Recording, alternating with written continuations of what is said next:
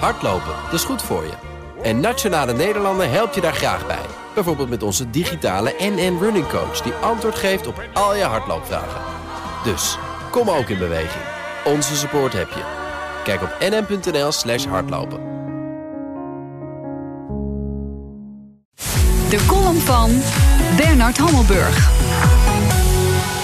Wereld van communicatie heet het een frame. Het presenteren van een opvatting als vaststaand feit en een symbool als bewijs. Deze week voert de illusie, vrijwel zonder enige tegenspraak, de boventoon. Donald Trump verhuisde de Amerikaanse ambassade in Israël van Tel Aviv naar Jeruzalem.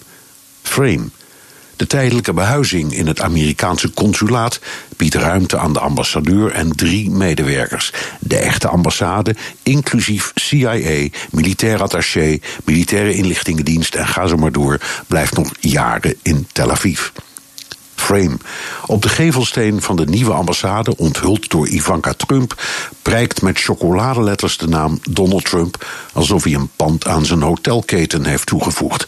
De vastgoedman uit New York blijft verrukt van zijn eigen naam, ook, wat kan het bommen, op een symbolische ambassade. Frame. Donald Trump voert de symboolhandeling van de verhuizing weliswaar uit, dat is absoluut een feit, maar al zijn voorgangers deelden zijn mening. Voorganger Obama bijvoorbeeld sprak van Jeruzalem als de ondeelbare hoofdstad van Israël. Frame. Donald Trump zegt vrede tussen Israël en de Palestijnen dichterbij te brengen. Maar ook hij erkent dat vrede een definitieve oplossing voor Jeruzalem vereist. Terwijl hij de illusie wekt dat van afsplitsing van een deel van Oost-Jeruzalem geen sprake meer kan zijn. Frame. De Amerikaanse dominee die voor de opening was uitgenodigd, Robert Jeffers, om zijn boezemvriend Trump zogezegd de hemel in te prijzen, is Trumps halleluja-garantie voor de evangelische stem. Dezelfde man die heeft gezegd zeker te weten dat de Rooms-Katholieke Kerk een instrument is van de duivel. En dat God mensen met een hele trits godsdiensten naar de hel stuurt: Hindoes, moslims, mormonen en, jawel, natuurlijk ook Joden. Oké dan, nu mijn frame. Binnen de kortste keren is deze theatervoorstelling vergeten.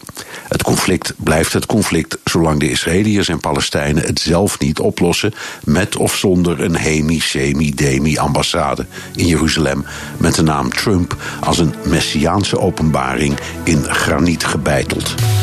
En dat zei onze buitenlandcommentator Bernard Hammelburg in zijn wekelijkse column... die u kunt terugluisteren op bnr.nl en in de BNR-app. Hardlopen, dat is goed voor je.